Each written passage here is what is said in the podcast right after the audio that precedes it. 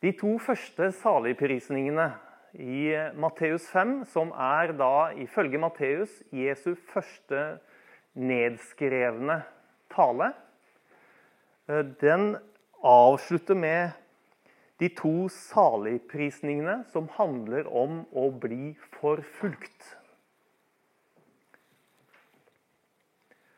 Mandag nå, 12. november, så er det fakkeltog i Oslo for barn og unge som forfølges for sin tro. Forfølgelse er en del av kirkens historie og identitet. Og Kirkefader Tertulian han skal ha sagt martyrenes blod er kirkens sæd. Det er altså gjennom vitnesbyrdet til den lidende kirke som gjør at kirken vokser ved at mennesker kommer til tro. Vi ser det at forfølgelse det er ikke noe som kun var aktuelt for 2000 år siden, da Jesus sa denne saligprisningen. Det er ikke noe som bare var aktuelt eh, de første 300 årene av kristens, kirkens historie. Det er noe som er svært aktuelt, og kanskje enda mer aktuelt den dag i dag.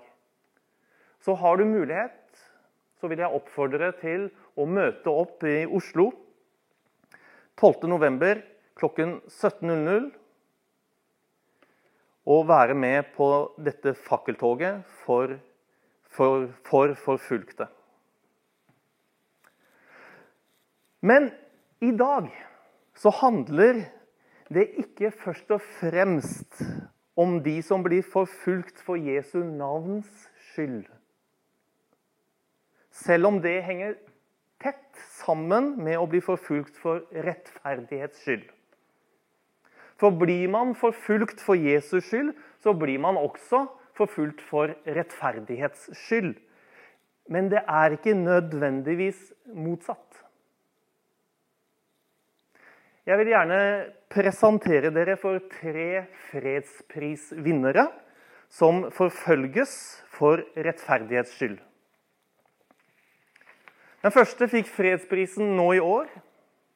Det er Mukwege. Og På eh, Kirkens Nødhjelp sin side, hjemmeside står det at Kirkens Nødhjelp har samarbeidet med Mukwege og støttet hans arbeid helt siden 1994, da han ledet et arbeid med et mobilt sykehus som behandlet kvinner med skader i underlivet etter krigsvoldtekter. Ved hjelp av krefter fra Norge annet, fikk han bygget Pansi hospital, og i 1999 stiftet han Pansi Foundation. Mukwege er ikke bare en lege som gjør et avgjørende arbeid for kvinner i regionen. Han er også en politisk aktivist som kjemper for kvinners rettigheter i samfunnet og for beskyttelse av kvinner i krig og konflikt. Dette gjør at Mukwege selv alltid er i fare. Og er avhengig av livvakter for å kunne gjøre det viktige arbeidet han gjør. Han fikk fredsprisen i år.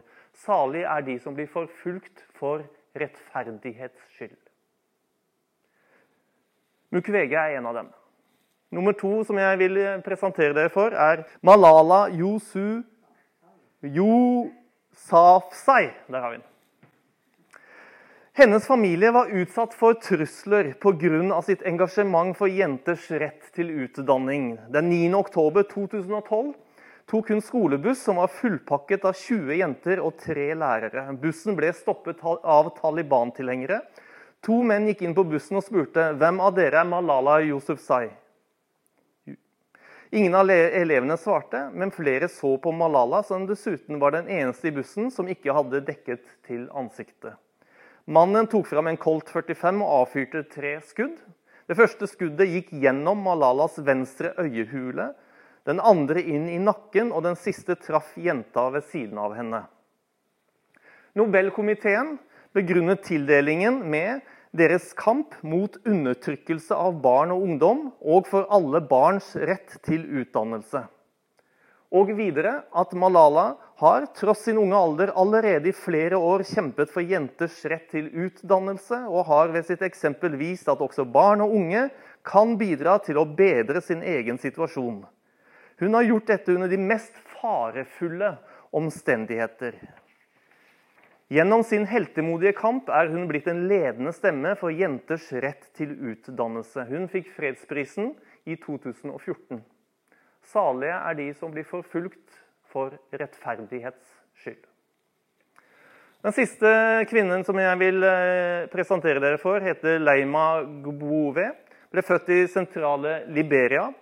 Leima Gbove, sammen med Comfort Freeman, leder av to forskjellige lutherske kirker, de organiserte Women in Peacebuilding Network og utstedte en erklæring til presidenten. Tidligere var vi stille, men etter å ha blitt drept, voldtatt, umenneskeliggjort og infisert med sykdommer, og sett våre barn og familier drept, har krig lært oss at fremtiden ligger i å si nei til vold og ja til fred. Vi vil ikke gi oss før freden hersker. Jeg vil eh, sitere litt fra hennes tale fra prisutdelingen i 2011. Hun sa da Kvinner var blitt krigsleketøy for rusede unge militsmedlemmer. Ingen kvinner ble spart for seksuelle overgrep og utnyttelse. Vi ble voldtatt og misbrukt, uavhengig av alder, religion eller sosial status. Vi tok i bruk vår smerte, våre ødelagte kropper og sårede følelser for å kunne konfrontere urettferdigheten og terroren i vårt land. Vi var klar over at det kun var gjennom ikke-vold at vi kunne få slutt på krigen, for vi hadde sett at voldsbruken skjøv oss og vårt kjære land dypere og dypere ned i en avgrunn av smerte, død og ødeleggelse. Mukege, Malala og Leima de er alle representanter for grupper og enkeltpersoner som blir forfulgt for rettferdighets skyld. Noen av eh, dem er kristne, andre er ikke. Men å bli forfulgt for rettferdighets skyld er ikke begrenset til én trosretning eller én kamp. Det gjelder for alle som slåss for rettferdighet.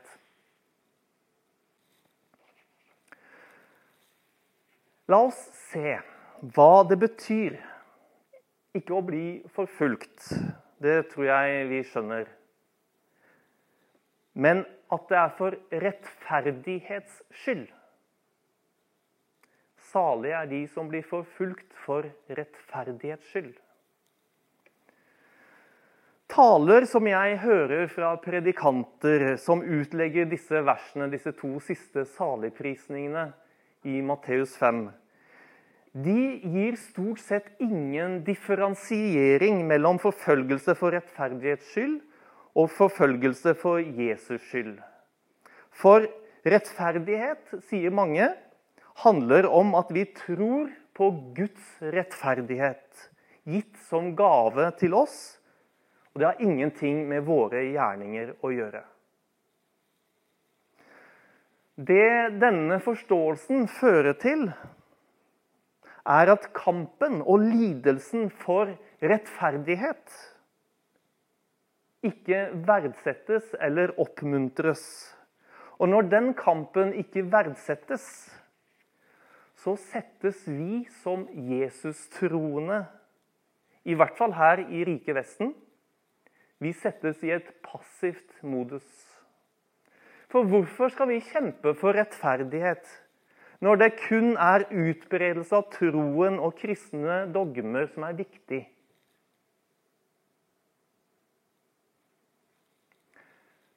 Er det slik Jesus også forstår det? Først skal vi se hvor viktig temaet rettferdighet er for Jesus. Rettferdighet er den eneste aktiviteten som blir nevnt to ganger i saligprisningen. Salige er de som hungrer og tørster etter rettferdigheten. Salige er de som blir forfulgt for rettferdighets skyld. Og bare det sier meg at rettferdighet det er viktig. Utover dette så blir det, dette spesifikke greske ordet for rettferdighet brukt tre ganger til, altså fem ganger til sammen, i bergprekenen. De, to, de tre andre stedene er i, i Matteus 5,20, hvor Jesus sier, 'Ja, jeg sier dere, dersom ikke deres rettferdighet langt overgår de skriftlærdes og fariseerne, kommer dere aldri inn i himmelriket.' Det fjerde stedet, Matteus 6,1. Pass dere for å gjøre gode gjerninger, på gresk rettferdighet. 88-oversettelsen eh, sier også 'pass dere for å eh, utøve deres rettferdighet'. I 11, 2011 står det 'pass dere for å gjøre gode gjerninger' for øynene på folk, for å bli sett av dem. Da får de ingen lønn hos deres far i himmelen.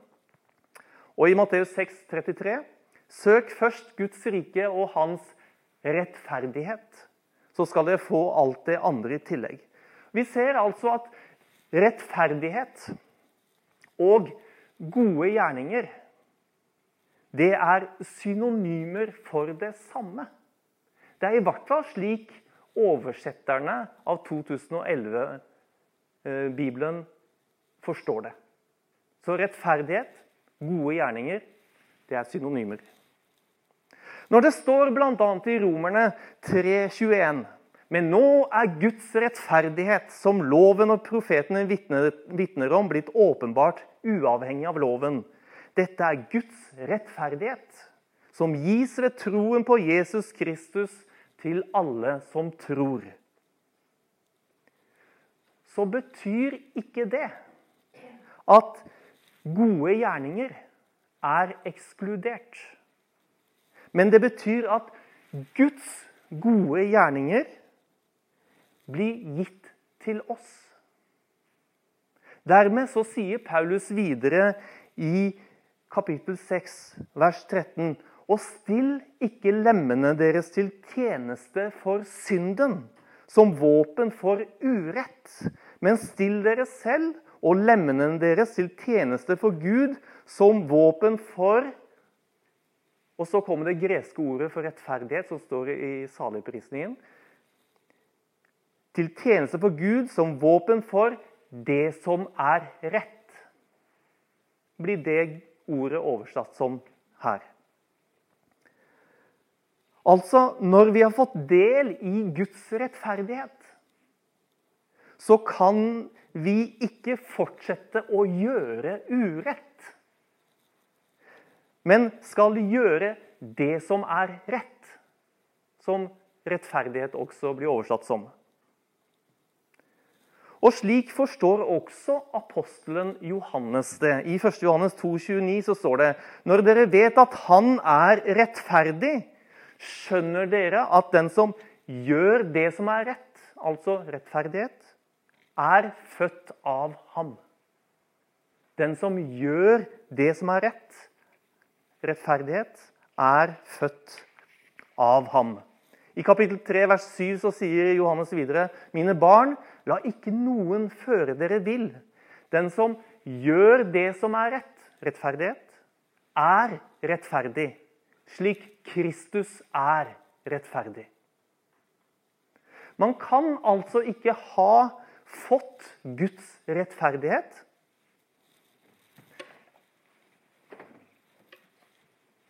uten at det påvirker dagliglivet til å gjøre det som er rett. Altså gjøre rettferdige handlinger. Når Gud har skjenket deg rettferdighet, så blir du født på ny. Og når du og jeg lever våre hverdagsliv, så handler vi rettferdig. Da gjør vi det som er rett. Rettferd på norsk er satt sammen av to ord. Nemlig rett og ferd. Å ferdes rett.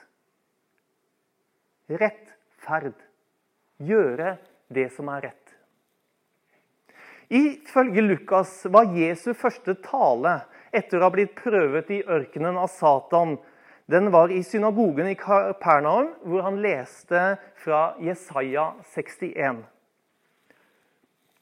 Eh, Lukas han siterer da i Lukas 4.: Herrens ånd er over meg, for han har salvet meg til å forkynne et godt budskap for fattige. Han har sendt meg for å rope ut at fanger skal få frihet, og blinde få syn igjen. For å sette undertrykte fri og rope ut et nådens år fra Herren. Jeg vet ikke, og Lukas sier ikke noe om det, om Jesus siterte hele Jesaja 61. Men mot slutten av Jesaja 61 så står det Jeg gleder meg i Herren. Min sjel jubler over min Gud, for han har kledd meg i frelsens klær og svøpt meg i rettferdighetskappe. Lik en brudgom som settes på seg prestlig turban, lik en brud som pynter seg med smykker. For som jorden lar spirene vokse, som en hage lar frøene gro, slik skal Herren Gud la rettferdighet og lovsang spire fram for alle folkeslag. Vi er, vi er svøpt i rettferdighetskappe. Guds rettferdighet Kristi rettferdighet, den er blitt gitt til oss. Den er vi svøpt inn i som en kappe. Og Gud vil la rettferdighet og lovsang spire fram for alle folkeslag. Det gjelder til og med for ringerikinger. Konsekvensen av det at vi er kledd i frelsens klær og svøpt i rettferdighetens kappe, Konsekvensen av det er at rettferdighet, altså det som er rett, det som er godt, og lovsang, altså takknemlighet til Gud, det skal spire fram for alle folkeslag. Det er noe som Jesus også sier i bergprekenen. Jesus sier, 'Dere er verdens lys'. En by som ligger på et fjell, kan ikke skjules. Heller ikke tenner man en oljelampe og setter den under et kar. Nei, man setter den på en holder. Så den lyser for alle i huset. Slik skal deres lys skinne for menneskene, så de kan se de gode gjerningene dere gjør, og prise deres Far i himmelen. Ifølge Jesus så vil mennesker på dommens dag dømmes etter hvordan de behandler ham.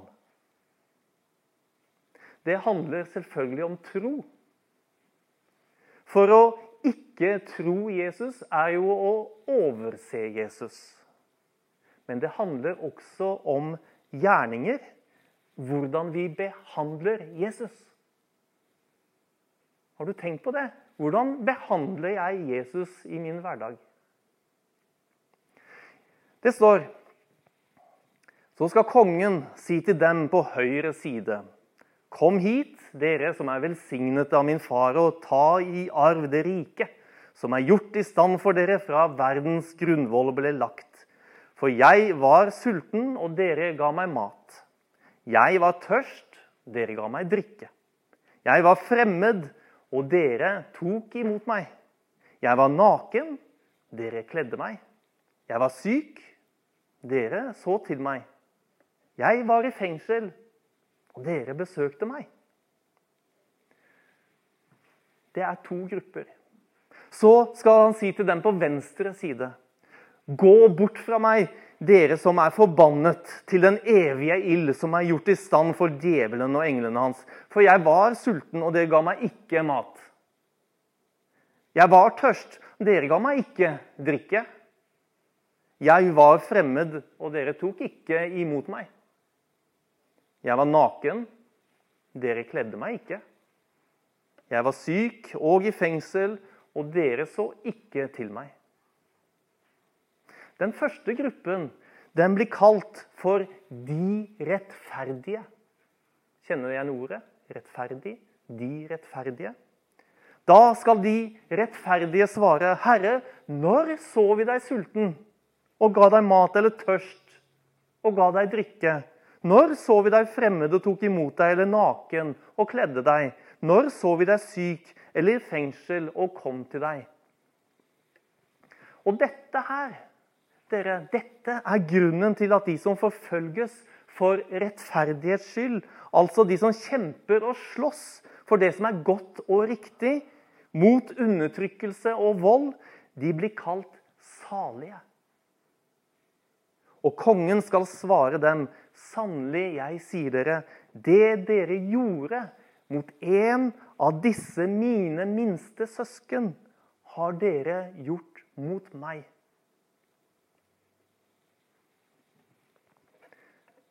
Skal jeg være ærlig, så har det tatt ganske lang tid for meg å la dette her synke inn. Og det er ennå ikke sunket godt nok inn. Men jeg ber Gud om å la det synke inn. Jeg har hatt et problematisk forhold til disse tiggerne. De som selger blader. Jeg synes det har vært vanskelig å forholde meg til. I Etiopia så var det ekstra vanskelig når vi var i Addis Abeba, for det var så vanvittig mange av dem. Og, og, og det blir lett sånn at uh, vi, må, vi, må, hjelpe systemet. For disse individene er jo et symptom på at systemet ikke virker. Og det er for så vidt sant. Ja, vi må jobbe med systemet. Men jeg tror Jesus kaller oss til noe som er litt annerledes enn også det. Jeg tror Jesus kaller oss til å se den enkelte. Når vi ser en som lider, en som ikke har det den trenger, en som blir forfulgt, en som har det vondt Ifølge Jesus så er det han. Den enkelte som lider, den enkelte som er forsvarsløs, er Jesus. Da, da, da dette begynte så vidt å liksom prikke litt på min overflate, så begynte jeg å hilse litt mer vennlig på tiggerne. Jeg ba Jesus, øh, Den hellige ånd, om å la meg, la meg få se Jesus i den tiggeren. Øh, nå i det siste så, så, så, kjenner jeg at det begynner å gå litt dypere.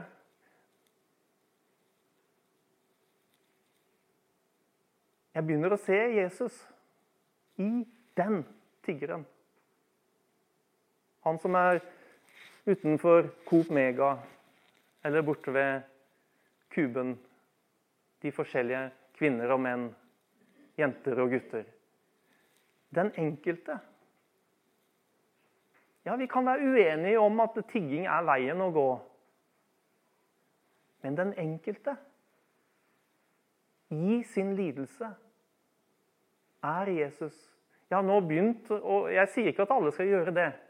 Jeg bare sier at dette er måten jeg gjør det på. Nå har jeg begynt Jeg ber først hvis jeg er utålmodig, og det er henne jeg er, og alt det der, dårlig humør og alt det greiene der. Men jeg ber Gud, la meg se Jesus i den tiggeren, den fattige. Og så går jeg bort og hilser, og gjerne håndhilser, og gir et vennlig smil. Og så handler jeg, gjerne for mange hundre kroner, i butikken til mat. Vi gjør vel det? Det går ganske mange hundre kroner for én familie per uke. Og hver gang jeg er i butikken, så går det mye, altså. Og da gjør jeg en sånn bitte liten ting som er bare, det er bare symbolsk. Men jeg tar ut jeg, jeg spør om å få 40 kroner ekstra. Det klarer jeg. Og så gir jeg det til den personen som jeg nettopp har hilst på og smilt til. Men tenk på det, dere. Det jeg gjør der, det er egentlig det er ingenting. Men, men jeg tror kanskje at det er et lite første steg. Eh, prøv å tenke. Hvis du faktisk så Jesus tigge utenfor en butikk, hvis det faktisk var Jesus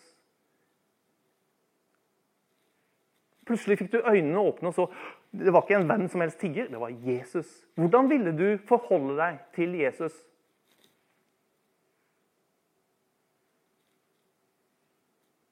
Ville vi gått forbi med et overlegent blikk og handla for våre 1000 kroner og gått ut igjen? Hvis det var Jesus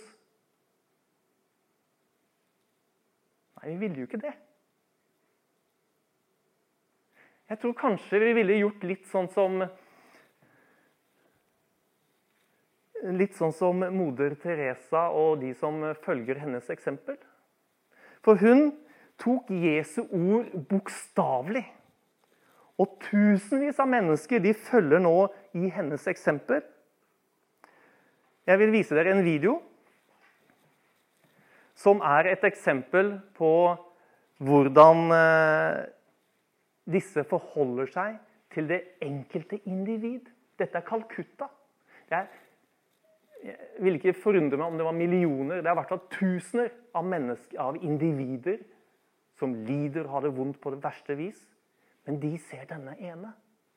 Se hvordan de behandler denne ene som om det er Jesus.